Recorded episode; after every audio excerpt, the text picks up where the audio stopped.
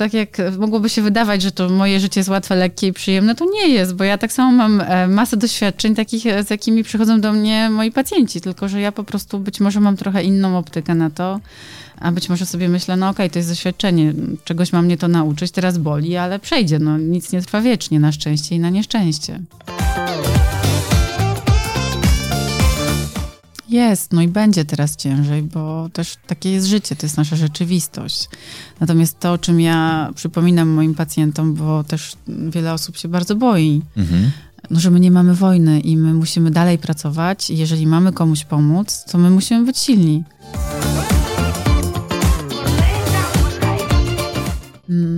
Ten fenomen instaporadnie, bo ja tam mówię mhm. o tym. W prosty sposób nazywam brzydką prawdę. Ja w ogóle lubię brzydką prawdę wyciągać na stół. Bo tak myślę, że czasami to jest trochę tak, jakby w pokoju leżała kupa, wszyscy ją widzą, ale tak obchodzą ją dookoła i udają, że tego nie ma.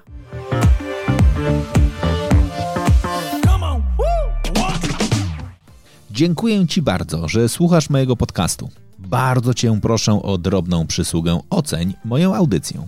To ma wpływ na pozycjonowanie w rankingach. Twój głos ma dla mnie bardzo duże znaczenie.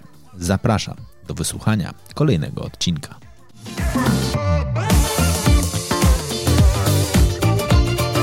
Herra on Air. Rozmowy o życiu na własnych zasadach.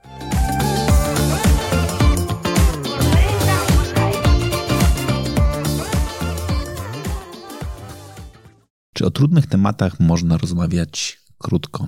No, w takim obszarze Insta. A czy w ogóle da się robić Insta porady? W takim sensie, żeby na naprawdę trudne tematy podpowiadać szybkie rozwiązania. No, pewnie można, jeżeli jest się ekspertem od, no właśnie, prawdziwych związków od pierwszego spotkania i pierwszego wrażenia. Dzisiaj o tym porozmawiamy. Porozmawiamy z ekspertką, psycholożką, terapeutką. No właśnie, ja nigdy nie wiem, czy coachynią się odmienia. Nie, ale ja też się nie utożsamiam z byciem coachem. Bardziej z byciem psychologiem. Nie lubię tego określenia psycholożka. Pewnie część osób powie, wow, dlaczego? Dlaczego? Wiesz co, jakby, nie wiem. No ja wolę, jak się mówi o mnie psycholog, a nie psycholożka. Okej. Okay. psychoterapeutka. Mhm. jakby też w mojej pracy używam technik coachingowych, ale nie określam siebie mianem coacha. Wydaje mi się, że jak już ma się tą wiedzę psychoterapeutyczną, to ten coaching jest taki trochę za płytki. Ja nawet próbowałam, nawet sobie jakieś tam skończyłam e, e, kilkumiesięczne szkolenie z coachingu i ciężko mi było mm, zatrzymać się z klientem na tej pracy coachingowej. Więc e, coach nie. Coach nie. No dobrze. Czyli panie i panowie, Magdalena Chorzewska. Witam serdecznie. Dzień dobry. Co robisz? Co robię? Tak w życiu teraz? Czy Nie, w życiu, no, w życiu. Słuchaj, no biegnę, biegnę. Mam takie wrażenie, że to moje życie dzieje się bardzo szybko i mogłabym e, obdzielić tym życiem kilka osób. Mhm. E, I to jest na własne życzenie i absolutnie nie narzekam, ale lubię to. Mhm. E, ale gdybyś miał mnie zapytać właśnie, co ja robię, to ja robię bardzo dużo rzeczy. W wielu obszarach. Jak tu weszłam, przez chwilę porozmawiałam z tobą o tym, że jestem mamą dwunastolatki, więc jestem mamą mhm. i lubię tą rolę. Też musiałam do niej dorosnąć. Jestem partnerką, bo jestem w fajnym związku i też to bardzo lubię. E, jestem przyjaciółką, bo bardzo cenię sobie relacje z ludźmi. Mało mam czasu na to, żeby tak w świecie e, offline spotykać się mhm. z ludźmi, bo właśnie przez to, że dużo mam e, zajęć takich zawodowych, no to muszę to gdzieś, e, muszę bardzo dbać o ten obszar. Jestem psychologiem, bo to jest zdecydowanie moja pasja, a przy okazji moja praca i jestem myślę szczęściarą, że, że w ten sposób pracuję, że ja to po prostu kocham. E, przy okazji e, wynalazłam Insta poradnie i to jest, jestem farciarą, o, mogę powiedzieć tak, bo wiele rzeczy dzieje się przez przypadek w moim życiu, ale to są dobre przypadki. E, choć podobno nie ma przypadków, więc mhm. pewnie ja to jakoś prowokuję, ale, ale właśnie wierzę w to, że jak coś robimy, czy ja jak robię z potrzeby takiego, no może to zabrzmi mocno górnolotnie, ale z potrzeby serca, to to po prostu wychodzi, nie jest to wymuszone, jest to bardzo naturalne. Czym jest Instaporadnia? Wiesz co, to jest dobre pytanie. no to jest pewnie taka trochę psychologia w, w wersji Insta. E, I e, powiem ci szczerze, że całkiem niedawno uświadomiłam sobie, że stworzyła się bardzo duża społeczność wokół mhm. Insta poradni. E, jak zauważyłam, co się dzieje na TikToku i e, że jestem tam, e, jeden z moich pacjentów, nastoletni pacjent powiedział, jest pani fejmem na Insta, na, na TikToku, bo Insta poradnia jest parodiowana. Mhm. Ja to lubię sobie oglądać, te parodie, bo one są przekomiczne.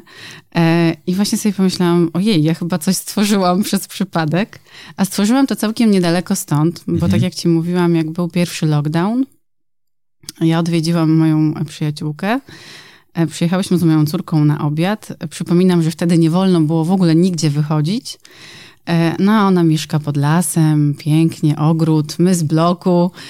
Więc moja córka mówi, mamo, zostańmy tu na trochę, jak możemy. No i akurat były okoliczności sprzyjające, wielki dom, mm, zwierzęta. E, no i moja przyjaciółka, która właśnie wtedy rozstała się ze swoim facetem, cierpiąca i mówi, to zostańcie. No i tak zostałyśmy na trochę i to się wydłużyło. E, I śmieję się, że nie wolno mnie zapraszać do domu, bo ja po prostu zostaję. E, no ale wtedy mm, stało się tak, że ja przestałam pracować w gabinecie, tak jak mhm. większość ludzi. No i wymyśliłam sobie, że skoro mam czas, no to może ja będę odpowiadać na pytania ludzi, bo może oni mają jakieś pytania, a ja jestem tym pokoleniem, które zaczytywało się w brawo na, mhm. na tej takiej tam środkowej stronie, e, gdzie były pytania i czytało się to z wypiekami na twarzy i pomyślałam, kurde, no może są ludzie, którzy mają jakieś pytania, a może ja będę znała odpowiedź, no to sobie zacznę tak mówić do tego telefonu, co powiem szczerze, nie było łatwe dla mnie. Wydawało mi się to nawet idiotyczne, że mhm. ja siedzę z telefonem i do niego mówię. No i z początkowej ilości e, chyba tam dwóch tysięcy followersów, którzy tam jakimś cudem e, mnie obserwowali, choć ja tam prawie nic nie, nie wrzucałam. Ja tego nie potrafię robić też, e, przyznam. No to zaczęła ta liczba ludzi rosnąć i no dziś tam na tym Instagramie są 62 tysiące E, obserwujących i, e, i tam to, to nie jest jakaś ogromna liczba osób, ale to są ludzie, którzy do mnie piszą, którzy zadają masę pytań. E, ja się staram tak raz, dwa razy w tygodniu uruchomić tą moją Insta poradnię, bo to też zajmuje dużo czasu. Mhm. No i odpowiadam na pytania. I to jest zaskakujące, bo ludzie mają cały szereg pytań, które wydawałoby się, że jakby większość ludzi może zna na to, na, na, takie pytania odpowiedź, albo właśnie wydawałoby się, że no bez sensu jest pytać kogoś obcego o coś mhm. takiego, bo ja nie znam e, odpowiedzi na pytanie, czy on do mnie wróci na przykład. Ja ani nie znam jego, ani nie znam jej, ani nie jestem w stanie przewidzieć przyszłości, ale to są pytania, które e, bardzo e, interesują ludzi, interesują ich odpowiedzi i mało tego, oni często piszą, pomogła mi pani podjęłam decyzję, zerwałem z toksycznym facetem, zmieniłem pracę, odważyłem się powiedzieć rodzicom, że potrzebuję psychologa i tak dalej, i tak dalej. To uskrzydla, bo to daje poczucie, że to jest bardzo sensowne zajęcie. E, ja to robię non-profit e, i e, tutaj wcale nie chodzi o, o jakieś korzyści, tylko tutaj bardziej chodzi o to uczucie, które ja mam, kiedy widzę, że, że ja naprawdę pomagam ludziom nawet jeśli to jest w wersji instant, w ciągu 15 sekund. Nie boisz się tego? Że ludzie dokładnie po twojej wypowiedzi podejmują decyzje? Wiesz co, jak sobie przesłuchałeś te moje mhm. E, porady, to ja się staram nie mówić, co tam trzeba zrobić, bo taka jest też praca psychologa, że my nie bierzemy odpowiedzialności za życie ludzi i nie mówimy, słuchaj, to teraz idź, powiedz to, dokładnie to i zrób tak i tak. No bo jakim prawem ja mam tak mówić? Rzeczywiście zdarzają się czasami takie, e, takie pytania, gdzie jakby odpowiedź jest jedna, ale to jest rzadko kiedy to się zdarza. Natomiast zazwyczaj staram się e, mówić, że to wszystko zależy od, e, od sytuacji. Nie, nie znam ciebie, nie znam twojego chłopaka, ale możliwe rozwiązania są takie, takie i takie. Ja mam takie poczucie, że mm, ludzie w dzisiejszych czasach, a szczególnie ci moi followersi, a mm, lwia część e, z nich to są ludzie młodzi. To jest grupa wiekowa 18, 24, 25, 35. To jest taka naj, największa grupa właśnie moich obserwujących. No to oni mają ogromny problem właśnie z, z tym, że nie mają z kim porozmawiać albo wstydzą się mówić o swoich problemach. Łatwiej jest napisać do Chorzewskiej z Instaporadni niż pójść do rodziców, do, do rodzeństwa, do, nie wiem, babci, dziadka, przyjaciółki, przyjaciela i zapytać o coś. E, mam też wrażenie, że ja po prostu jestem dostępna. E, ja w tym okienku tam siedzę kilka razy w tygodniu, e, dwa razy w tygodniu, tak? Mniej więcej się staram. E, I daje to takie złudne poczucie, że ja tam jestem cały czas, bo czasami do mnie ktoś pisze e, e, jakieś pytanie. Ja nie mam czasu odpowiadać na te pytania tak na bieżąco i też na wiele pytań takich w prywatnych wiadomościach no nigdy nie odpowiem, mhm. no bo wiadomo, że musiałabym tam po prostu z tym telefonem siedzieć i tylko to robić. Więc uprzedzam tych moich obserwujących, że no nie jestem w stanie na te pytania odpowiadać. Ale ci ludzie tak się dopytują, halo, halo, zadałam pytanie, gdzie pani jest? I czasami to jest, nie wiem, 12 w nocy. Mm. Więc daje to takie poczucie, że ja jestem tą Chorzewską z okienka z Insta poradni. Natomiast pokazuje to e, skalę. Po pierwsze, z jakimi problemami borykają się współcześni Polacy, ludzie młodzi, e, czego im brakuje, jak bardzo czasami sobie nie radzą w takich mm, sytuacjach, które pozornie wydawałoby się proste, jak bardzo są osamotnieni, nie mają autorytetów i e, jak czasami są pogubieni, po prostu nie wiedzą, co mają w życiu robić. E, I wydaje mi się, że czasami po prostu brakuje gdzieś im takiego, no właśnie, filaru w postaci mocnej rodziny, w postaci wsparcia, czy w postaci w ogóle chęci rozmowy z tym młodym człowiekiem. Co poszło nie tak? Znaczy w takim sensie, że mam przekonanie, że jesteśmy pierwszym pokoleniem, które ma łatwy dostęp do psychologii. Tak? I nie mam, mhm. nie mam na myśli do gabinetu, tylko do książki, do gazety, do czasopism. Mhm. No, ja jeszcze faktycznie, jak studiowałem psychologię, to był początek y, wydawnictwa Charaktery, która było bardzo wtedy cieniutką gazetą, w której pisali tylko profesorowie i jej się nie dało czytać. Znaczy, jak nie byłeś studentem, mhm. to po prostu się nudziłeś. Dzisiejsze charaktery są bardzo popularno-naukowe. Mhm. Są bardzo dostępne dla każdego. Oprócz tego właściwie nie ma dzisiaj gazety, która nie wydaje swojego dodatku psychologia. Tak, Newsweek ma regularny dodatek psychologia, Wysokie Obcasy mają regularny dodatek psychologia. Z drugiej strony masz gigantyczną ilość podcastów o psychologii. Mhm. No i masz absolutnie jedną pewnie z największych y, półek w księgarniach poradniki psychologiczne. A my dalej nie dajemy rady. No bo wiesz, nie wystarczy e, przeczytać o czymś, e, dobrze jest to jeszcze przyswoić i wdrożyć w życie, e, ale najważniejsze to nazwać problem, a wielu mhm. ludzi nie potrafi nazwać problemu. A z drugiej strony, tak jak patrzę sobie na moich pacjentów, to duża część tych pacjentów to są nastolatki lub tacy właśnie młodzi dorośli, którzy sami chcą iść do psychologa. To nie jest tak, że rodzice za karę mówią, to teraz pójdziesz do psychologa, tylko oni już sobie sami wyszukują i oni już wiedzą konkretnie, do kogo oni chcą pójść. E, także ta świadomość rośnie, dostęp jest e, bardzo duży. Dziś możesz sobie rozmawiać właściwie z większością psychologów z całej Polski i nie tylko. E, ja mam też pacjentów z różnych części świata. Dziś to nie jest e, wstydem, a wręcz jest to formą rozwoju dla bardzo wielu mhm. osób i jest e, powodem do dumy. Mam, chodzę na terapię, rozwijam się. A jednak mam takie wrażenie, że mm, brakuje bardzo więzi i brakuje po prostu zwykłego zainteresowania człowiekiem, który siedzi obok nas. E, kiedy patrzę na przykład na, na dziecko, tak? Ty mhm. masz e, dziecko w tym samym wieku, w którym jest moja córka i, i widzę, jak dużo czasu potrzebuje to dziecko i mhm. jak często potrzebuje rozmawiać i rozumieć i e, no i to jest ten czas właśnie, to, to jest chyba to, czego nie ma w dzisiejszych czasach dla bliskich. E, kiedy przychodzą do mnie kobiety na przykład albo mężczyźni będący w związkach i mówią, no ona nie poświęca mi czasu, ja nie wiem, czy jestem dla niej ważny, my mamy jeden wieczór w tygodniu, no to gdzie tu mowa o budowaniu dobrego związku, kiedy ludzie po prostu no, wybierają pracę albo wybierają jakieś inne zajęcia.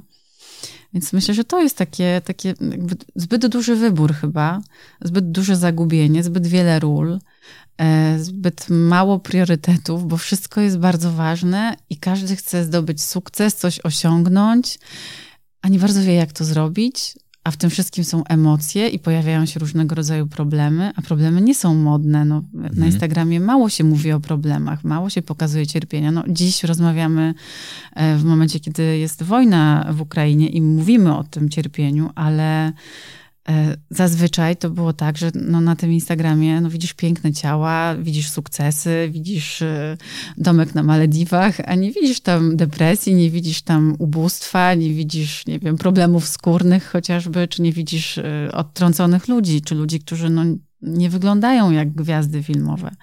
I to, te wszystkie osoby bardzo to przeżywają, bo one żyją po części w świecie offline, a po części żyją na tym Instagramie. Ja mam masę pacjentów, którzy mówią, ja pół dnia oglądam Instagram i zazdroszczę tym ludziom, że ja tak nie mam. I ja tak sobie myślę, przecież wiadomo, jak to wygląda, że to są zdjęcia, to jest Instagram. Rzadko kiedy ktoś ma aż takie życie jak na Instagramie. A z drugiej strony zazdrościsz, to zastanów się, co możesz zrobić, żeby choć po części zrealizować jakieś swoje marzenie. Tylko pytanie jest takie, czy to jest twoje marzenie. Więc myślę, że ludzie się dzisiaj bardzo pogubili. Dużo nastolatków myśli, że to jest takie proste. Mhm. Ja słyszę właśnie często, e, kiedyś ludzie chcieli być lekarzami, e, prawnikami, a dziś chcą być sławni, mhm. chcą być influencerami. A przecież dobrze wiemy, że za tym nawet Instagramem stoi sztab ludzi czasami. Mhm. Ja akurat robię wszystko sama, bo zajmuje mi to i tak stosunkowo niedużo czasu. I też nie wymaga to ode mnie takiego zaangażowania, ale pamiętam, że kiedyś właśnie byłam e, w Dzień Dobry TVN i była tam e, dziewczyna, która prowadzi bloga modowego i vloga, nie wiem, to chyba tak się nazywa i nagrywa mnóstwo rzeczy. I tam pracował cały sztab ludzi. Mhm. Do ciebie też zaprosiła mnie e, osoba, która z tobą współpracuje. Więc wiadomo, że to wszystko samo nie przychodzi. Trzeba mieć pomysł, trzeba mieć jakiś content, a żeby był content, to trzeba się czegoś nauczyć, coś doświadczyć, z kimś porozmawiać, coś przeżyć. Samo to nie przychodzi. To są lata czasami e, nauki, praktyki, e, obserwowania e, i dochodzenia do różnych wniosków. To, to nie jest takie proste. A myślę, że wielu ludzi oczekuje, że będzie miło, łatwo, przyjemnie, bogato. Mhm. I właściwie to, to przyjdzie. I jak nie przychodzi, to są bardzo rozczarowani. Jak są rozczarowani, to wtedy myślą, że są tak zwanymi przegrywami.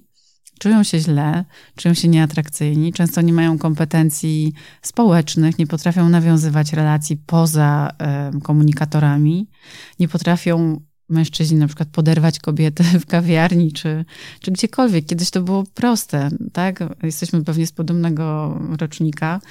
E, przecież ile razy się zdarzało, że po prostu ktoś obcy cię zaczepiał na ulicy, rozmawiał z tobą. Dziś tego nie ma. Dziś ludzie kompletnie tego nie potrafią, wolą się zalogować w aplikacji mnóstwo dzieciaków zamiast wyjść na boisko czy na rower, po prostu przesiaduje przed grami komputerowymi i żeby była jasność, gry też są dobre, mhm. ale chodzi tu o harmonię.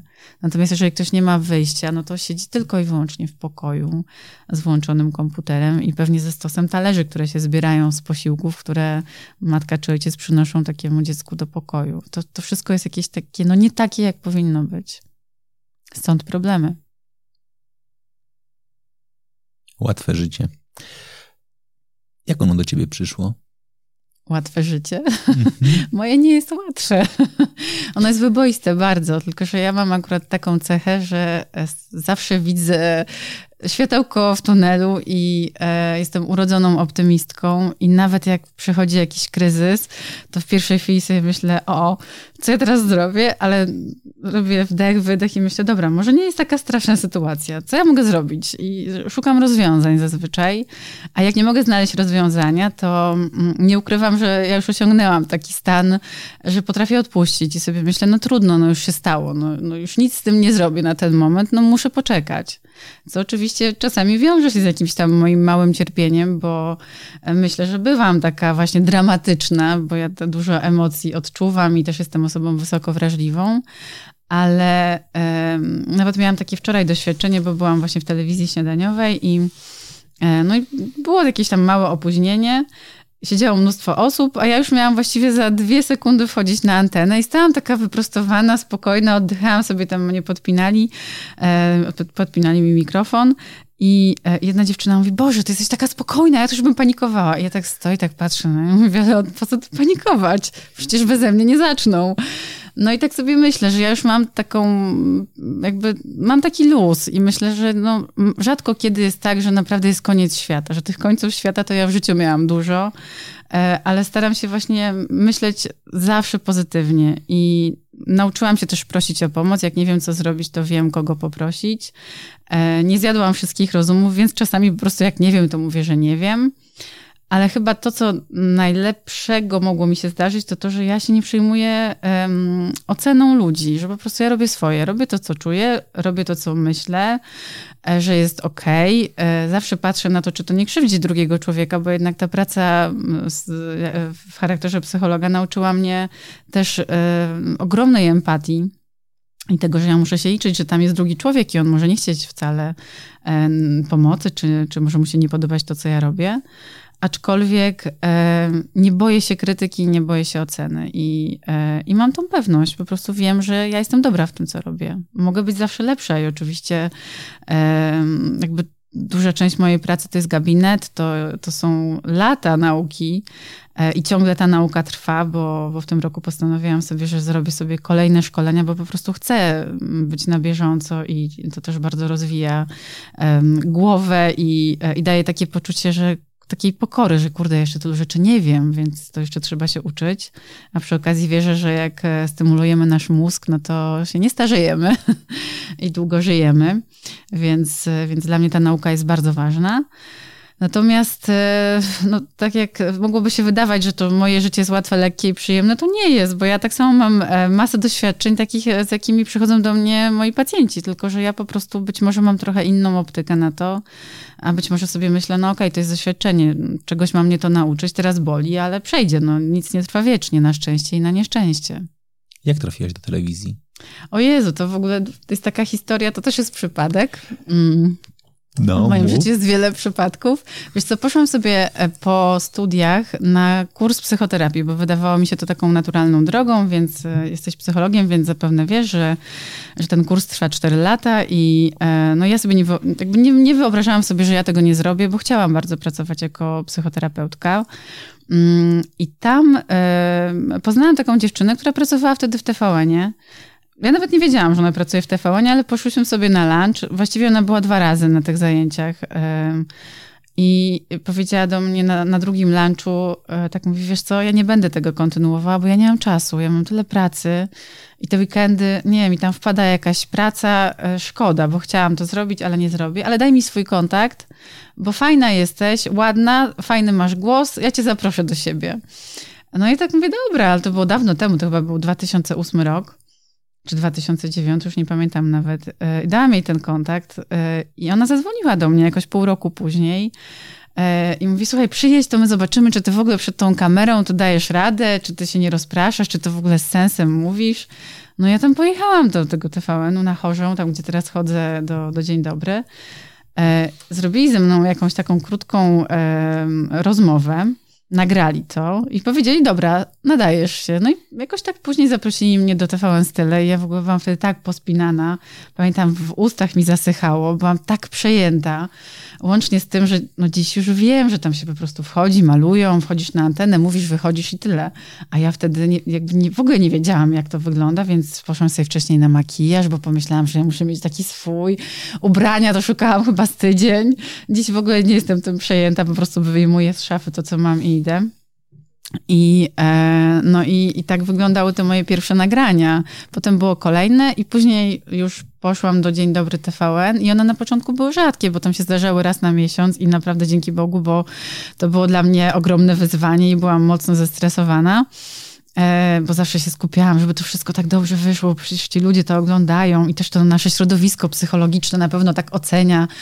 A później któregoś dnia jechałam z Płocka, bo ja w tym dzień dobry byłam pewnie już ponad 300 razy, tak myślę, przez tych lat, e, chyba już 12 lat tam chodzę e, i, i spóźniłam się i zdążyłam, nie wiem, byłam 20 minut przed wejściem na antenę, a tam trzeba być prawie godzinę mhm. wcześniej, aż ci tam wymalują i wyglądasz jak człowiek. A ja tam wbiegłam, wymalowały mnie dwie dziewczyny naraz, zdążyłam jeszcze skoczyć na szybko do łazienki i wbiegłam na tą antenę, właściwie powiedziałam swoje i sobie pomyślałam, może to jest rozwiązanie, może ja po prostu powinnam na ostatnią chwilę, to ja się nie stresuję. I od tamtej pory w ogóle już nie czułam tych takich fizjologicznych objawów, bo wcześniej miałam wrażenie, że mi policzki skaczą, że to wszystko widać, że jestem czerwona, bo oczywiście od razu jestem burak, jak coś pójdzie nie tak.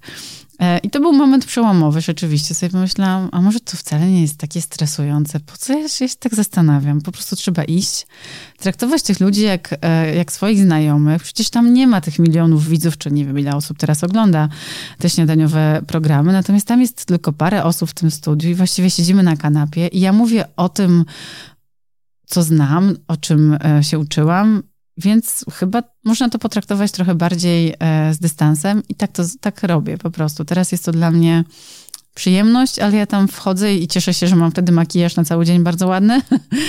e, mam wystąpienie, nie wiem, 5, czasami 8 minut, czasami 9. E, I, I wychodzę i tyle. I ja się tym w ogóle nie przejmuję. I mam poczucie, że ja to naprawdę dobrze robię. I nawet myślę, że nauczyłam się e, tych wystąpień publicznych też poniekąd przez przypadek, bo mnie nikt tego nie uczył. To są też lata praktyki.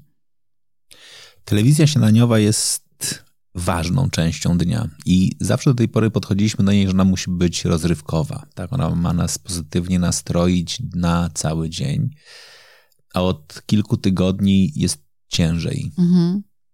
Jest, no i będzie teraz ciężej, bo też takie jest życie, to jest nasza rzeczywistość. Natomiast to, o czym ja przypominam moim pacjentom, bo też wiele osób się bardzo boi, mhm.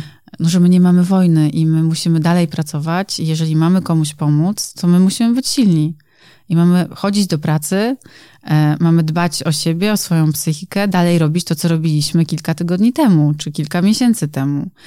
Przypominam, że była pandemia, która też poniekąd była takim stanem wojny w sensie psychologicznym, że też no, był wróg e, i bardzo się baliśmy i nauczyliśmy się z tym funkcjonować, więc myślę, że jesteśmy trochę na to przygotowani e, tak psychologicznie, żeby radzić sobie z takim dużym napięciem, ale tak jak powiedziałam na początku, my nie mamy wojny, my dalej mamy normalnie żyć.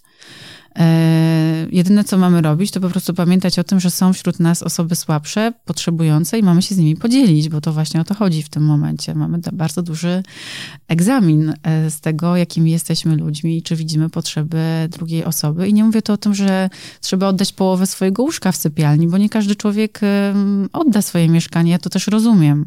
Też nie bardzo wiemy, tak, ile to potrwa i nie każdy może sobie na to pozwolić. Mamy szalejącą inflację i całą masę innych problemów takich wynikających e, z, z jakichś tam wewnętrznych rzeczy w naszym kraju.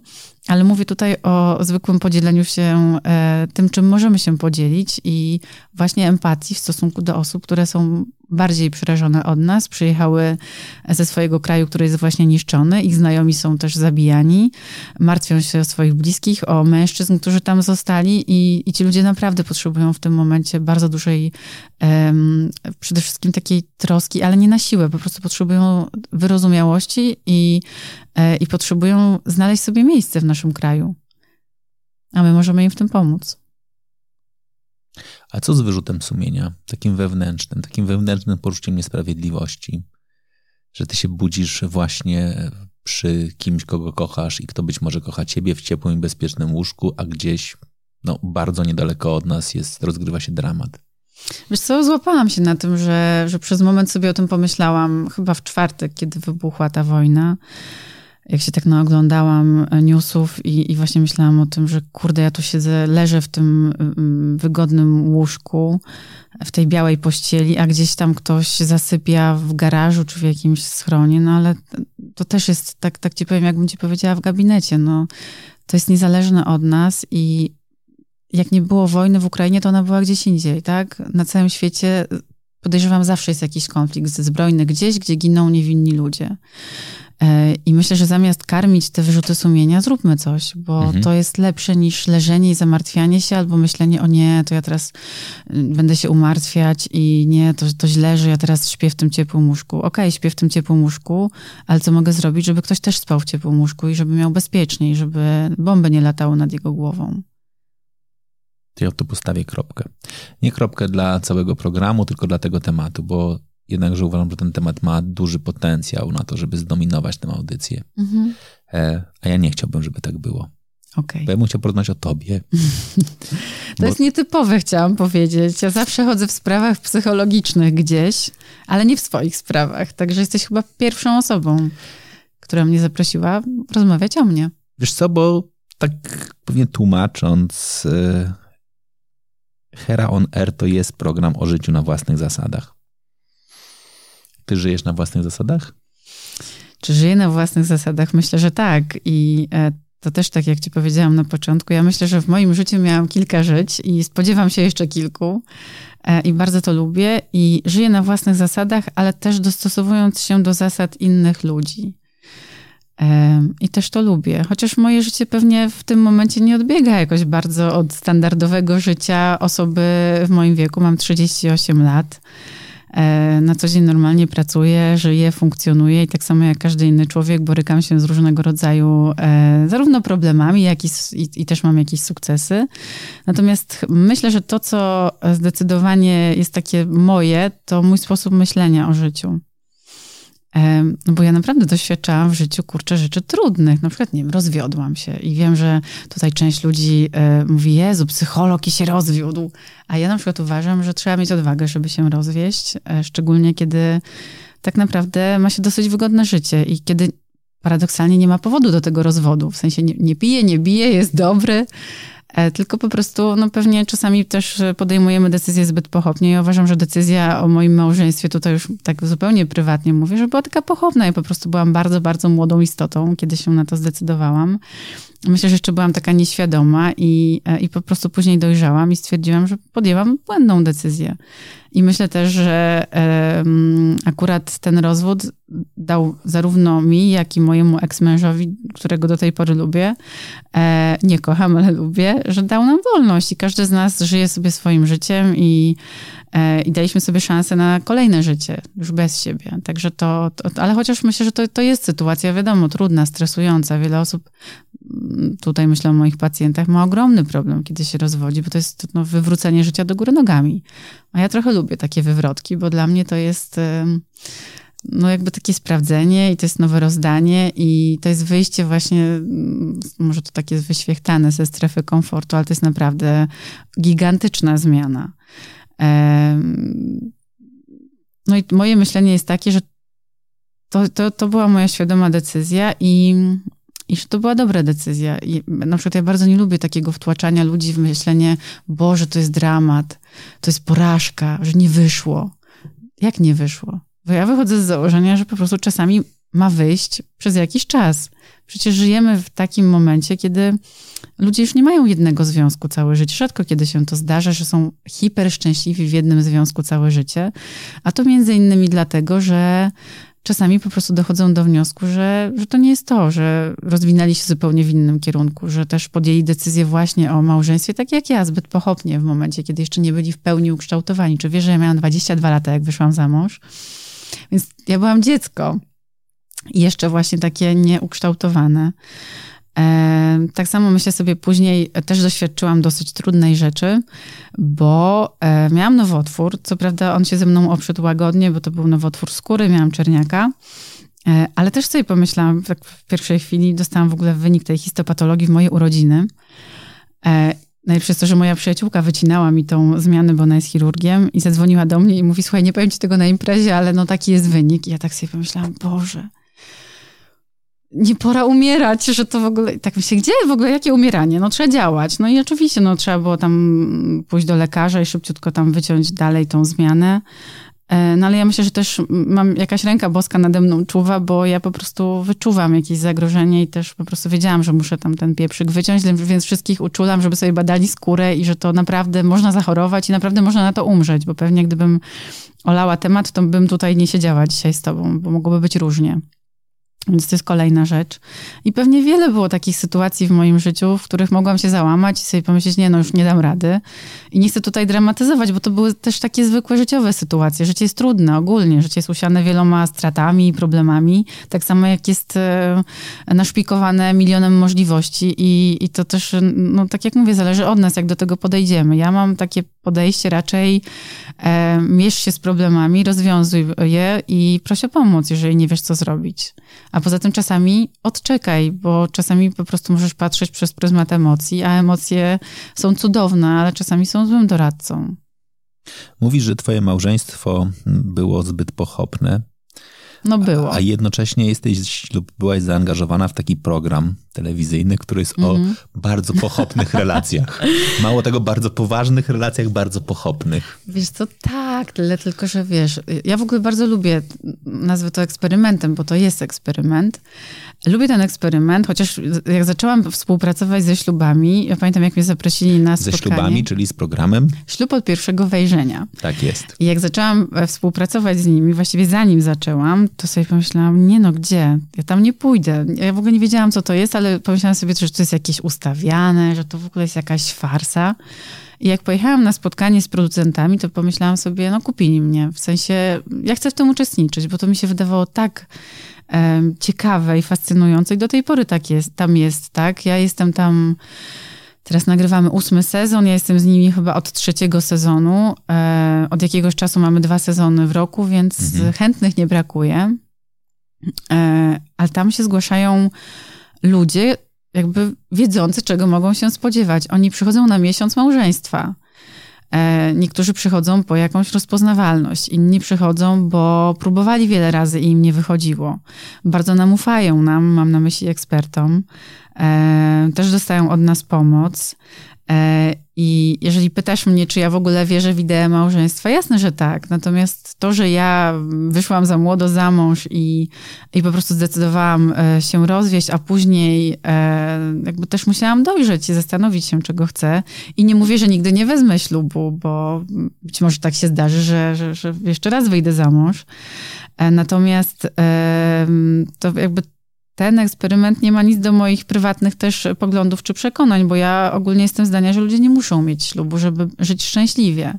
Natomiast wiem o tym, że żyjemy w takim kraju w takiej kulturze, gdzie wręcz dziewczynkom jest wtłaczane to do głowy, że to trzeba mieć tego męża i ta biała suknia i w ogóle ten welon i ten, to wesele. To, to jest takie ważne. E, I dla niektórych to jest naprawdę bardzo ważne. I niektórzy ludzie czują się gorsi z tego powodu, że są sami i że nikogo nie mają. A był taki czas w moim życiu, że ja na przykład byłam sama po 12 latach związku, e, tam łącznie z tym małżeństwem. E, I to był super czas, bo ja w ogóle mogłam w końcu poznać siebie i zobaczyć, co ja lubię, czego nie lubię i czego ja chcę i czego ja na pewno nie chcę. No ale bez tego czasu pewnie nie byłabym w tym momencie w dobrej relacji, bo dalej bym nie wiedziała, czego chcę. Natomiast bardzo wielu ludzi za wszelką cenę chce z kimś być. Nawet jeśli to jest obca osoba, z którą stają na ślubnym kobiercu. Najlepsze jest to, że jak pokazuje nasz eksperyment, ci ludzie są w stanie stworzyć naprawdę bardzo dobre związki. Mamy mnóstwo też dzieci z tego e, naszego eksperymentu i mamy pary, które przetrwały i myślę, że, że naprawdę się pokochały. Także ma to sens i ja bardzo lubię uczestniczyć w tym eksperymencie. Nie bałaś się z perspektywy wiedzy psychologicznej? Wiesz co, bałam się, no pewnie, że się bałam, bo to zawsze jest taki, ten eksperyment jest postrzegany jako bardzo kontrowersyjny. Mhm. Też środowisko psychologiczne bardzo szeroko komentuje to, co tam się dzieje. Natomiast e, może gdybym ja tam sama była, to bym się bała, bo to jest zbyt duża odpowiedzialność, ale jesteśmy tam we trójkę. Do tej pory byliśmy ja, drugi psycholog i antropolog. Teraz nie ma tego psychologa, który był, jest y, inna y, pani psycholog. I też mi się dobrze z nią współpracuje. Ja wiem też, co my tam robimy, jak bardzo analizujemy tych ludzi, jak bardzo y, dogłębny wywiad robimy. Też mamy swoje narzędzia badawcze i często jesteśmy w stanie wiele rzeczy przewidzieć. No nie przewidzimy konkretnych zachowań, bo jest to wręcz niemożliwe. To się zdarza, że nasi kandydaci właściwie jednym zdaniem są w stanie przekreślić e, powodzenie e, danego związku, ale też wiemy, że mm, podczas tego miesiąca, jeżeli ci ludzie naprawdę wejdą e, w ten eksperyment na 100% i będą chcieli zrozumieć, co im wcześniej nie wychodziło, bo prawdopodobnie będą popełniali dokładnie te same błędy komunikacyjne, czy mm, jeżeli chodzi o oczekiwania, e, czy zachowania, które właśnie popełniali wcześniej we wcześniejszych związkach. Jeżeli oni zgłoszą taką potrzebę, żeby to jakoś omówić, e, rozwiązać problem, że chcą inaczej, to my jesteśmy do dyspozycji. Mam na myśli ja i właśnie moja koleżanka Karolina, z którą teraz współpracujemy. No i pomagamy im w tym. I z takim prowadzeniem jest o wiele łatwiej zbudować te związki. Przy okazji, wiesz, tam jest od razu małżeństwo. To, jest, to zobowiązuje jednak mhm. pewne osoby i nie jest łatwo powiedzieć, okej, okay, słuchaj, właściwie nie wyszło nam, dobra, cześć. Tylko no, jest ten papier i to jest prawdziwy ślub. I później jest prawdziwy rozwód. Ewentualnie. Środowisko psychologiczne. Znaczy, mhm. pytam o to, bo dwadzieścia parę lat temu, jak ruszał w Polsce program Big Brother, mhm. a ja byłem psychologiem Wielkiego Brata, to środowisko psychologiczne dość jasno wydało na mnie wyrok. Znaczy, generalnie powiedzieli Wojtek, idź precz. Znaczy, mm -hmm. Jacek Santorski i ja zostaliśmy, że tak powiem, skazani na banicję i powiedziano nam, nikt, nie żaden porządny psycholog nie może się za zaangażować w ten kontrowersyjny program. Dzisiaj pewnie po latach się z tego śmieję. Wtedy byłem przerażony, jak profesor, nie wiem, Janusz Czapiński jakby faktycznie mm -hmm. pisał w każdym swoim w ogóle w tekście grubymi literami Wojciech Hera, to ja w ogóle wtedy się strasznie się tego bałem. Natomiast jak dzisiaj reaguję? Bo trochę czasu minęło jednakże i tak się zastanawiam, jak dzisiaj to, jakby to, to środowisko komentuje, ale czy komentuje ze zrozumieniem, czy komentuje dalej właśnie w taki sposób dość radykalny? No wiesz co, e, mam wrażenie, że wiele się zmieniło od tamtego czasu i zarówno e, ty i Jacek Sandorski też poszliście swoją drogą i jak widać to, to ma duży sens. E, I pewnie jak ktoś wybiera rzeczywiście tą swoją drogę siebie i, e, i wybiera tą psychologię w służbie czemuś innemu niż mhm. tylko e, taka, nie wiem, akademicka wiedza, czy niż sztywne trzymanie się schematów, to, to to też fajnie procentuje. Wszystko się zmienia i też wizerunek psychologa się bardzo zmienił, bo przecież mnie nawet też na studiach jeszcze uczono tego, że no, psycholog to musi być taka postać właściwie, której no, która nie może nic o sobie mówić. Przeźroczysta. Tak, że najlepiej to taka bezkształtna forma kobiety w dużym swetrze, e, nie kobieca, że, która w ogóle nie pokazuje tutaj jakichś walorów swoich, żeby nie rozpraszała i właściwie ten pacjent to ma nic nie wiedzieć. Dziś to się w ogóle bardzo zmienia i też myślę, że wielu pacjentów też przychodzi właśnie do konkretnego psychologa, bo, bo też chciałoby się w pewnym sensie trochę wzorować, czegoś nauczyć, um, też ludziom się podobają konkretne cechy danych e, psychologów czy psychoterapeutów, bo się na przykład z nimi utożsamiają. E, ja myślę, że fajnie jest być jakimś fajnie jest iść pod prąd. E, może nie bez powodu jestem u ciebie. I dobrze jest jednak jakby robić swoje i być elastycznym, bo wszystko się zmienia, świat się zmienia. 20 lat temu świat wyglądał inaczej. To jest tak ogromny postęp cywilizacyjny, E, na wielu poziomach. Samo życie przeniosło się do, do, do e, małych telefonów, e, mhm. tak naprawdę. Terapia przeniosła się też do telefonów. Przecież ja często siedzę z telefonem i rozmawiam z pacjentami, których nie ma fizycznie u mnie. No 20 lat temu było to nie do pomyślenia, więc myślę, że no, to jest taka trochę reforma e, również e, tego naszego zawodu i pewnie to będzie dalej ewoluowało. I czy to się podoba komuś, czy nie, no świat się zmienia. Każdy psycholog powie, że jedyną pewną jest zmiana, no mhm. więc to się zmienia. Przy okazji, no ja mam gabinet w miejscu, gdzie też inni psycholodzy przyjmują. No i czasami sobie rozmawiam z moimi koleżankami, które mm, tam również są psychoterapeutkami e, i one komentują bardzo ten eksperyment. Wręcz są całe grupy super superwizyjne, które omawiają, e, co tam się dzieje w tych parach, więc myślę, że ten nasz eksperyment, dzięki temu, że jesteśmy w stanie przez tych 12, 13, czasami 14 odcinków obserwować dynamikę powstawania związku od zera mhm. E, i też widzimy, co się dzieje z tymi ludźmi, jak właśnie oni reagują, jak się zmienia e, ta bliskość między nimi, czy ona jest, czy nie ma, czy przechodzą dalsze jakieś tam etapy, e, bo to jest takie trochę życie w wersji właśnie e, instant i też bardzo szybkie, to, to jest też dużą podpowiedzią dla psychologów, bo to pokazuje naturę ludzką, bądź co bądź, no, w takiej formie właśnie po, po ślubie i w telewizji, bardzo komercyjnie, ale tak jak powiedziałeś, no ta psychologia stała się trochę wersją pop i ja myślę, że to dobrze, bo ona jest taka bardziej dostępna dla ludzi. A czego widz może się nauczyć z tego programu? Bardzo wiele.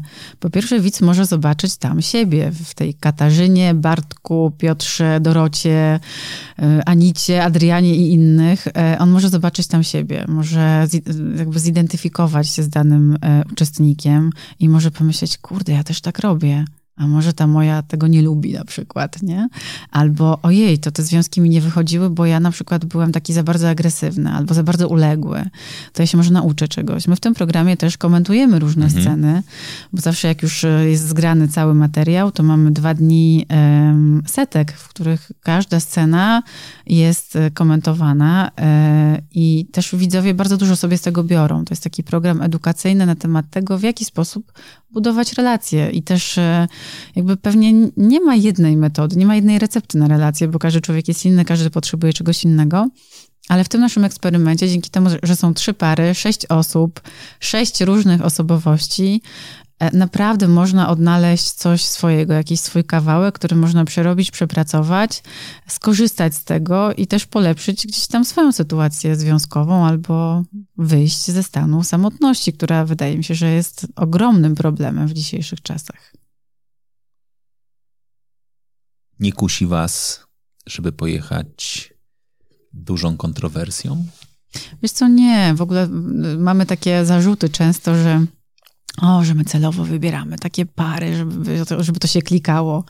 Absolutnie nie. No, ja to właśnie wczoraj powiedziałam, bo nawet miałyśmy live z tą Karoliną, że gdybyśmy chciały, żeby było kontrowersyjnie, to tam przychodzą takie kwiatki mhm. czasami, że, że dałoby radę tam stworzyć naprawdę klikające się pary. I to też nie o to chodzi. My tam nie chcemy nikogo skrzywdzić, tylko rzeczywiście dobieramy osoby, które mają szansę się e, związać. Takim najważniejszym kryterium to oprócz tych wszystkich oczekiwań, które czasami są tak wyśrubowane, że trudno jest znaleźć osobę, która wszystkie te kryteria spełnia, ale najważniejszym czynnikiem jest po pierwsze duża determinacja i chęć budowania związku, dojrzałość, e, taka emocjonalna i gotowość, e, a także e, bardzo podobny system wartości, bo jak mhm. ludzie mają podobny system wartości, czyli to nie te przeciwieństwa przyciągające się, a podobieństwa, to związki mają o wiele większą szansę na, na w ogóle powstanie, dotarcie się i przetrwanie.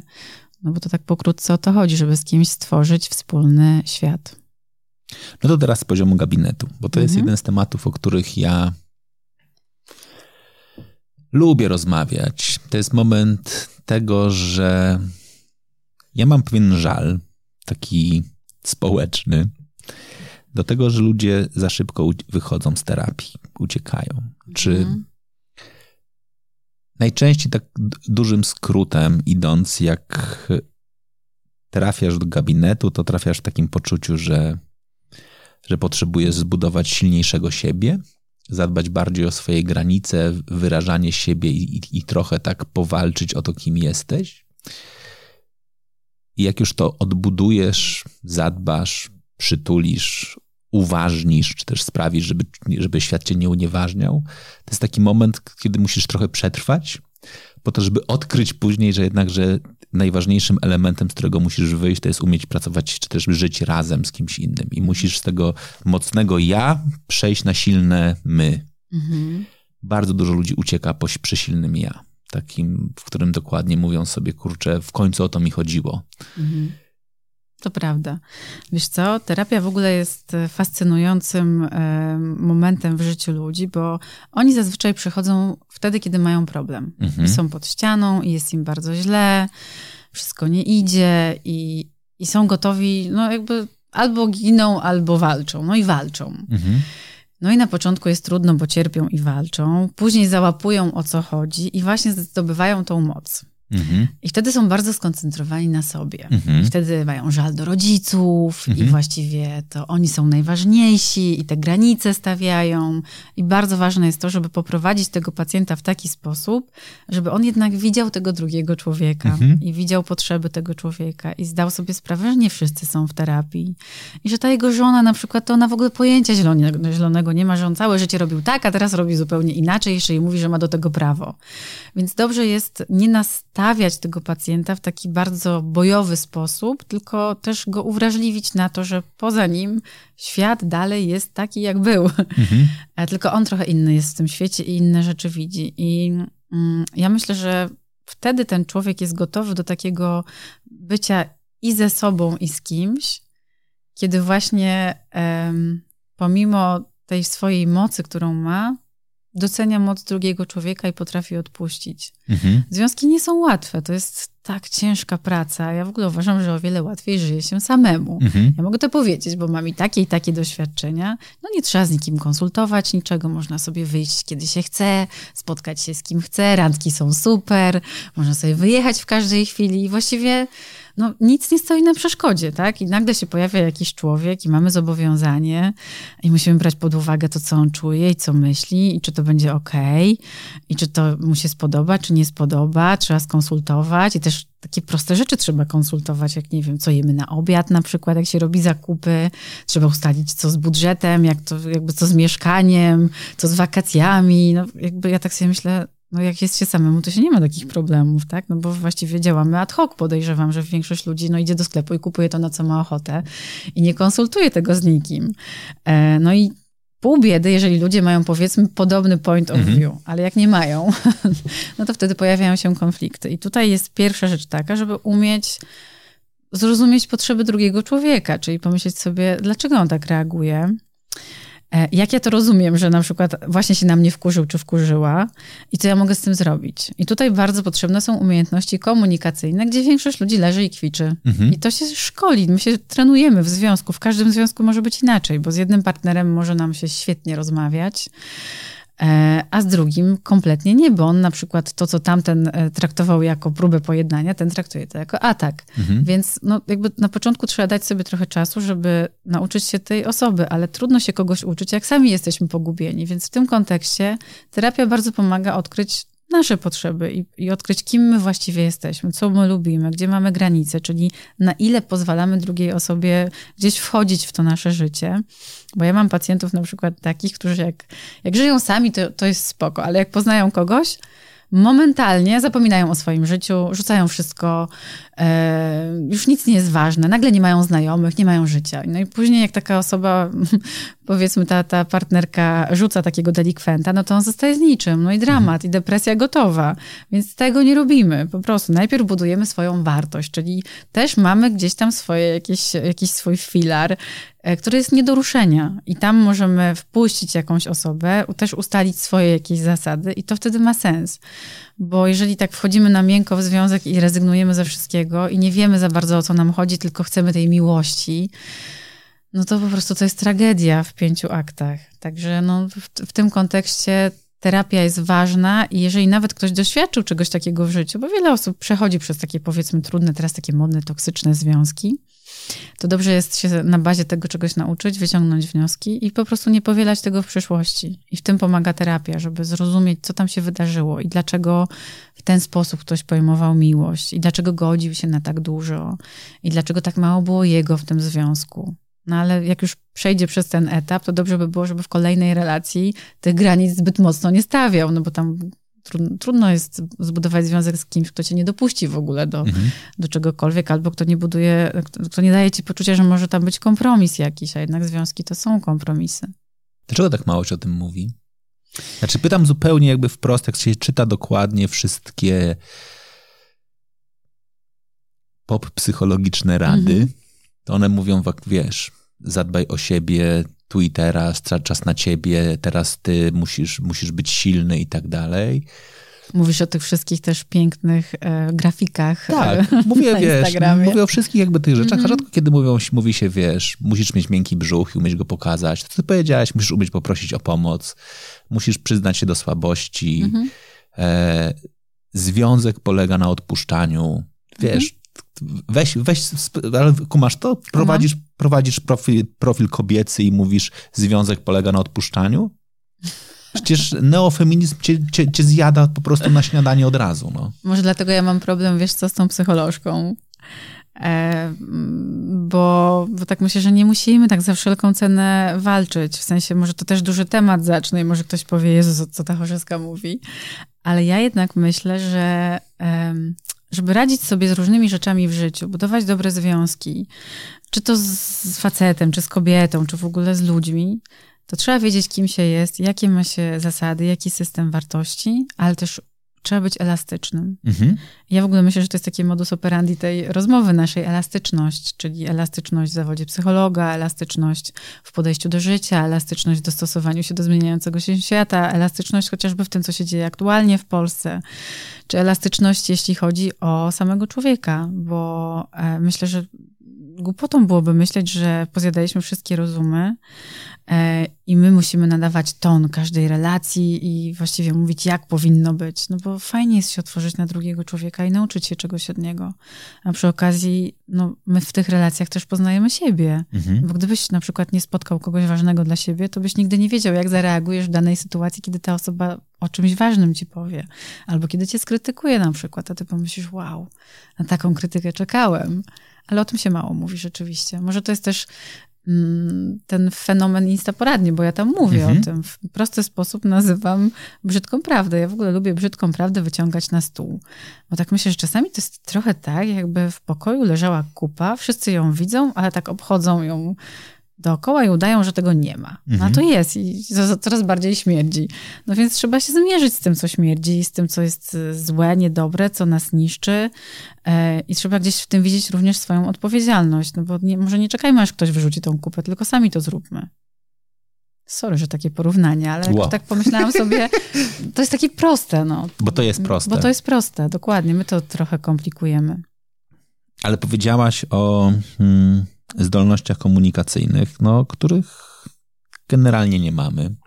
Hmm, może mamy, ale niewystarczające. I myślę, że dobrze by było jakby mieć gotowość do uczenia się tych, mm, może to zabrzmi tak technicznie, ale technik komunikacyjnych, tego, że ktoś może nas nie rozumieć. Bo wiesz co, często przychodzi do mnie pacjent do gabinetu, opowiada tak jakąś historię, tam, co ta żona, co zrobiła, co on jej powiedział. Ja mówię, no ale może powinieneś jej to inaczej wytłumaczyć, żeby ona to zrozumiała. No przecież mówię. I jak on mi mówi o tym, w jaki sposób on tej żonie mówi, to ja, ja, wiem, że ona tego nie rozumie, co on jej chciał powiedzieć, tylko czuje się skrytykowana. Więc y, myślę, że właśnie warto jest sobie uświadomić, że nie każdy ma taki sam poziom wrażliwości. Niektórzy są gruboskórni, a inni y, wszystko biorą do siebie i trzeba wiedzieć, z kim mamy do czynienia i w jaki sposób mamy dotrzeć do drugiej osoby. Tym bardziej, jak nam na niej zależy to dobrze by było nie krzywdzić się słowami. Mam taką pacjentkę, która mówi, no, co zostało wypowiedziane, to się już nie odszczeka, no i to już zostaje w głowie. I taka prawda, że czasami takie słowa po prostu zostają w głowie i one bardzo psują później e, relacje. Ty powiedziałaś w pewnym momencie, że jesteś wysoko wrażliwa. Mhm. Co to znaczy? O Jezu, płaczę na reklamach z labradorami na przykład. nie no, jestem płaczką. Ja w ogóle w ten sposób odreagowuję i nie wstydzę się o tym mówić głośno. E, jak mnie coś śmieszy, to się głośno śmieje, więc nie warto ze mną chodzić do kina, bo ja po prostu robię przypał. Ale ja to po prostu bardzo lubię w sobie, bo też myślę, że ta wrażliwość pomaga mi rozumieć drugiego człowieka, natomiast nie płaczę z pacjentami w gabinecie, bo już się tego nauczyłam, jak się opanować, choć czasami mam ochotę, bo rzeczywiście no, jakoś tak mocno współodczuwam te ich problemy. E, też moja córka jest bardzo podobna, jak patrzę na nią, to sobie myślę, Jezus, no zaraz będzie płakać. No i płaczę. I sobie myślę, no i po co ona płacze? No ale w sumie ja też bym płakała w tej sytuacji. Więc to jest cudowne widzieć sobie takie, te, siebie w takim lusterku. E, I też rozumiem ludzi, którzy są bardziej gruboskórni, którzy na przykład no, jakby zupełnie inaczej odbierają rzeczywistość i to też nie jest złe. Natomiast wyobraź sobie, że spotyka się taki człowiek właśnie zero wrażliwości z taką płaczką jak ja, no to tam no, nie dogadają się, więc no, gdzieś tam jakiś podobny poziom postrzegania albo gotowość do rozumienia musi być. W ogóle fajne jest to, jak ludzie w związkach pytają siebie, jak się czujesz? To, to jest rzadkie. Oni mhm. rzadko kiedy siebie pytają, a ja proponuję to przetestować. Po prostu zapytajcie swoich bliskich, jak się czują. I to nie jest, jak się czujesz e, w rozumieniu Czy nie masz takie, gorączki i kaszlu? Lub takie amerykańskie how you? W takim mm -hmm. sensie jakby absolutnie nie interesuje mnie to, masz powiedzieć jest ok, tylko to jest prawdziwe, jak się no, czujesz. No, prawdziwe. W sensie to... nawet co czujesz w tym momencie. Tak, tak, co czujesz, jak się czujesz i też w takiej sytuacji, że nie, że jedna osoba stoi przy garach i przez, e, odwraca się i mówi, no to tam jak się czujesz, a druga ogląda telewizję, tylko no kurde, no miejmy czas usiąść, popatrzeć sobie w oczy i, i zapytać, jak się czujesz, jak ci minął dzień co się ciekawego u ciebie wydarzyło, bo to takie wyświechtane pytanie do dziecka, jak było w szkole, no przecież logiczne, że powie, że dobrze mhm. albo źle. E, a jednak warto zapytać, czego się nauczyłaś dzisiaj w szkole, co cię tam spotkało, o czym rozmawiałaś z koleżankami, jeśli to nie jest zbyt inwazyjne. Wiadomo, że w pewnym momencie dzieci mają tajemnice i to jest super. Ja też jestem fanką nieposiadania telewizora w domu, choć w telewizji jestem często, to, to jednak uważam, że to jest złodziej czasu i dobrze jest sobie dawkować ten telewizor, który w wielu domach po prostu służy za wypełniacz pustki i rozpraszacz e, emocji. Bo jednak warto poświęcić sobie właśnie ten czas, uwagę i fajnie czuć, że jesteśmy naprawdę ważni dla drugiej osoby, która dzieli z nami jedną przestrzeń życiową. Dobrze jest zjeść posiłek razem, to jest bardzo ważne, żeby właśnie się zapytać, co słychać, jak się czujesz, co u ciebie, opowiedzieć. Przecież każdy z nas ma potrzebę mówienia.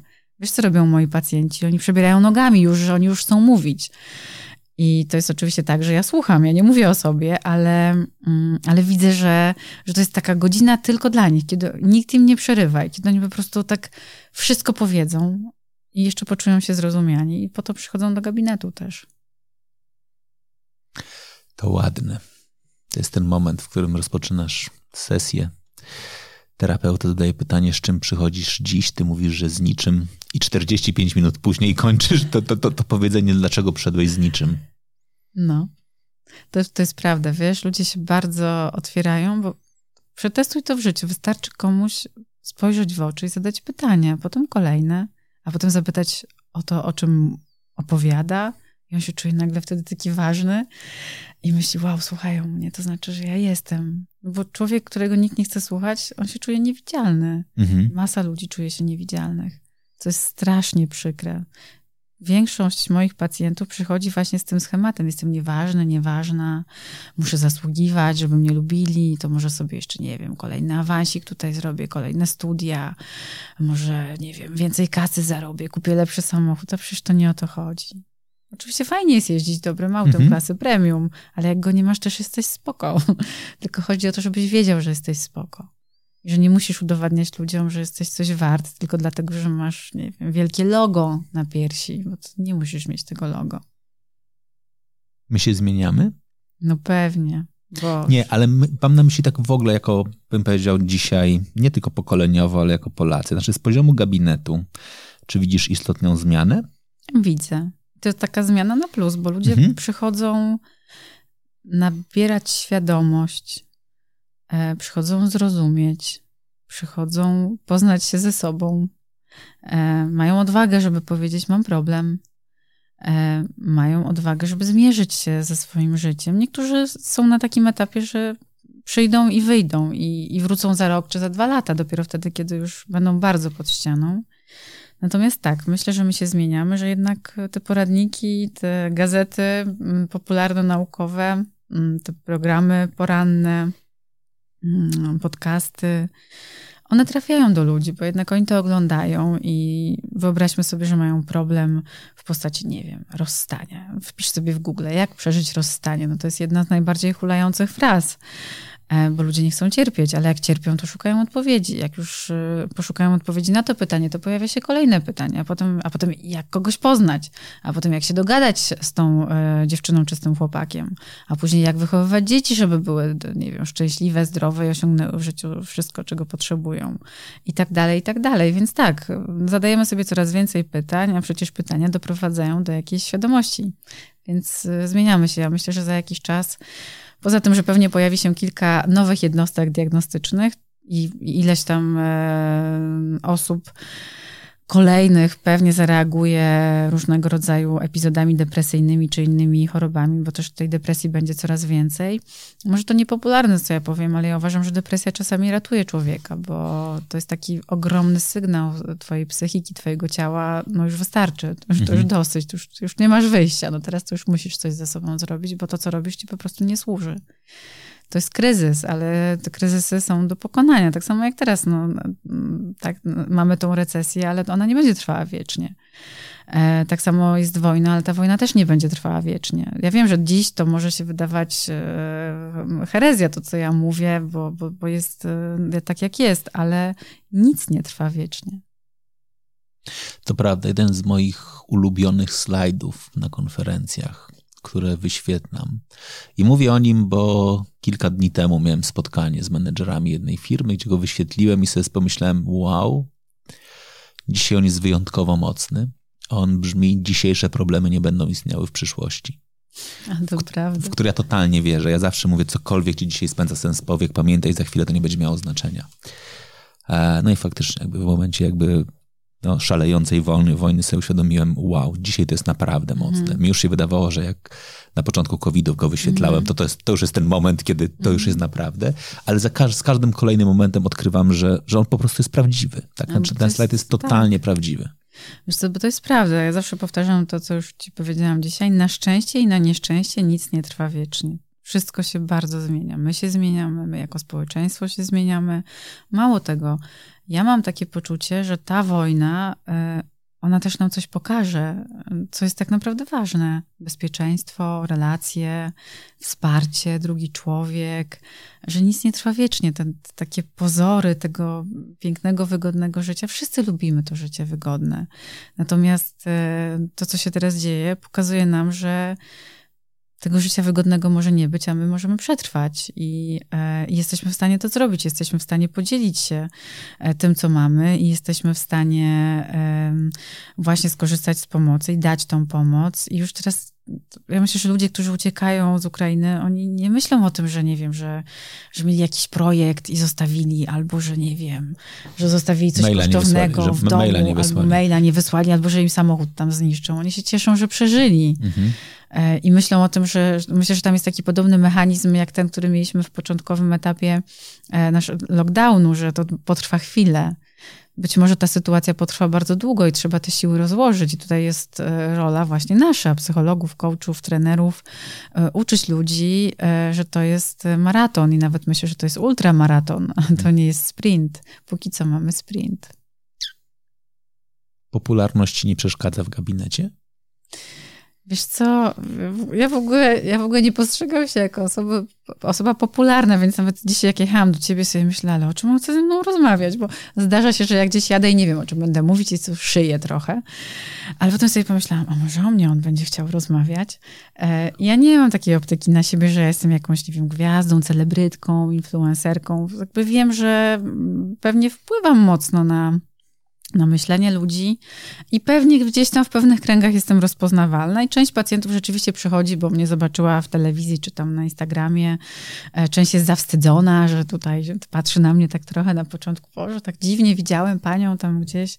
No ja zawsze tam rozbrajam takiego człowieka, się pytam się, czy to przeszkadza. Może chyba wybrał mnie właśnie w tym celu, bo chciał przyjść i sprawdzić. E, I, i po chwili to mija i w ogóle ci ludzie nie pamiętają, że ja jestem tą dziewczyną czy tam panią z okienka. E, wręcz ci pacjenci się cieszą, że oni mogą mnie zobaczyć i dodatkowo, e, tak jak są te wizyty online, to nie dość, że ci ludzie są u siebie w bezpiecznym miejscu, to jeszcze widzą mnie, a przecież mnie znają, bo widzą mnie codziennie na tych tam TikTokach i innych, więc trochę się czują jak w domu ze mną i właściwie od razu się otwierają, więc powiedziałabym, że nawet to pomaga w przełamaniu takiej bariery, bo e, zdaję sobie sprawę z tego, że też są pacjenci, którzy nie są jacyś hiperotwarci i zajmuje im bardzo dużo czasu, żeby się otworzyć. Ja myślę, że mam taką umiejętność, nieskromnie e, rzecz ujmując, że ja otwieram ludzi po prostu, bo daję jakby ta atmosfera tego spotkania jest taka bardzo bezpieczna i bardzo akceptująca. I też mi na tym zależy, żeby ci ludzie właśnie tak się czuli, najważniejsi przez 50 minut i e, żeby potraktowali swój problem bardzo poważnie e, i żeby poczuli się przede wszystkim zaakceptowani. To jest w ogóle ważna rzecz. To na koniec ja bym chciał pewnie żebyśmy powiedzieli o jednej bardzo ważnej rzeczy, a mianowicie o tym, że terapeuta też musi być dopasowany mhm. i że można go zmienić. Pytam, mówię o tym trochę, bo czytałem właśnie, e, czy też oglądałem ostatnie porady, w ramach którego jedna z osób pytała, czy czy to dobrze, że terapeuta jest opresyjny, krytykujący i taki mało życzliwy. Ja sobie wtedy pomyślałem, kurczę, znaczy oprócz tego, że to jest bardzo, bardzo nie, bardzo, bardzo nie w porządku mm. i to mhm. na pewno jest bardzo złe z perspektywy tego terapeuty, to ja mam takie trochę przekonanie, że my chyba już rozumiemy, że można pójść do lekarza jednego, drugiego, trzeciego mm. i wy, mhm. wybrać tego, u którego chcemy zostać a mam takie przekonanie, że ludzie się boją terapeuty. Znaczy, że zmienić. Znaczy, że ludziom się wydaje, że jakby był jednego terapeuty i on jest zły, to znaczy, że wszyscy są tacy sami. Znaczy, poprzez to, że jeszcze mamy taki, tą, taką mhm. małą świadomość tego, że, że terapia ma nas budować i rozwijać, to znaczy, że możesz sobie swojego terapeuty znaleźć być może za dziesiątą, za dziesiątą próbą, tak? Tak się może zdarzyć. Możesz po prostu trafić na kilka osób, które być może dla innych będą bardzo dobre. Mhm a dla ciebie A nie. dla ciebie nie. I że warto szukać.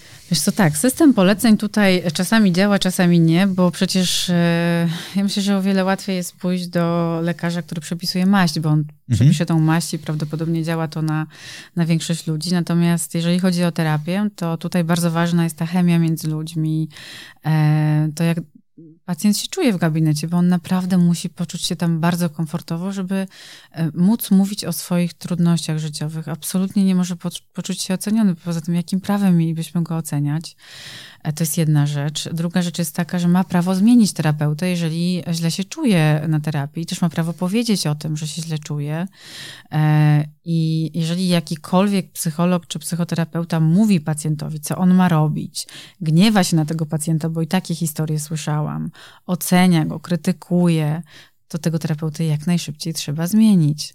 Ja też myślę, że ta niechęć do zmian wynika z tego, że mm, ludzie się bardzo uzewnętrzniają na tych terapiach mhm. i nie chcą po raz kolejny opowiadać tej samej bolesnej historii e, z takim poczuciem, że kurde, znowu może nie wyjść. Natomiast warto szukać.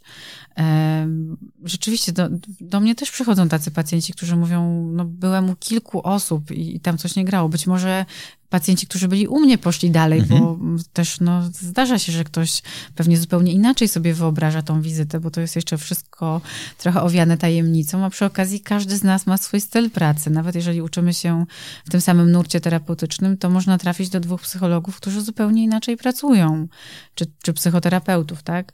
I, e, i, I warto poszukać kogoś, kto będzie po prostu dla nas przewodnikiem, mentorem, e, czasami zastępczym rodzicem, czasami zastępczym partnerem, bo przecież terapeuta ma wiele ról w życiu pacjenta, a żeby się przy nim rozwijać i leczyć, to trzeba przede wszystkim temu terapeucie zaufać i czuć się z nim dobrze. Gniewasz się, jak ktoś mówi o tobie przyjaciółka za pieniądze? Nie, no co ty. Ja nawet kiedyś się śmiałam, że ja uprawiam prostytucję intelektualną. No bo przecież mi płacą za czas ze mną i za rozmowę. No co ty? Absolutnie nie. E, każda praca powinna być e, opłacana, tak? No bo człowiek, który nie bierze wynagrodzenia za swoją pracę nagminnie, nie mówię o tym, że nie, nie pracujemy za darmo, bo ja się bardzo dużo napracowałam w moim życiu za darmo, szczególnie jako początkujący psycholog, to właściwie większa część mojej pracy była za darmo. Ale ten czas się skończył, bo ja po prostu wiem, że ceni się to, co ma cenę. A skoro e, się wykształciłam i włożyłam w to bardzo dużo wysiłku i pracy i, i, wiem, że pomagam ludziom realnie, bo mam taki feedback i też o to widzę, no to to też ma swoją cenę. I to jest dobry moment na to, żeby postawić kropkę. Okej. Okay. Ci bardzo dziękuję za to, że pokazałaś trochę, kim jesteś, czym są Twoje zasady, gdzie jest pilnowanie tego, żeby nie naruszyć zasad innych nie odsłoniła się za bardzo, ale niech ci będzie. Uciekliśmy nagle trochę w rozmowę o psychologii. Co może innym razem. Dziękuję ci bardzo. Dziękuję również. A Wam bardzo serdecznie dziękuję za to, że byliście tutaj razem z nami. Pamiętajcie, to jest ten moment, żeby ocenić w ogóle całą audycję, bo każda gwiazdka powoduje, że jesteśmy lepiej pozycjonowani w rankingach, a na tym mi osobiście bardzo zależy. Dziękuję bardzo. Słuchajcie kolejnej audycji Hera On Air. Dzięki bardzo.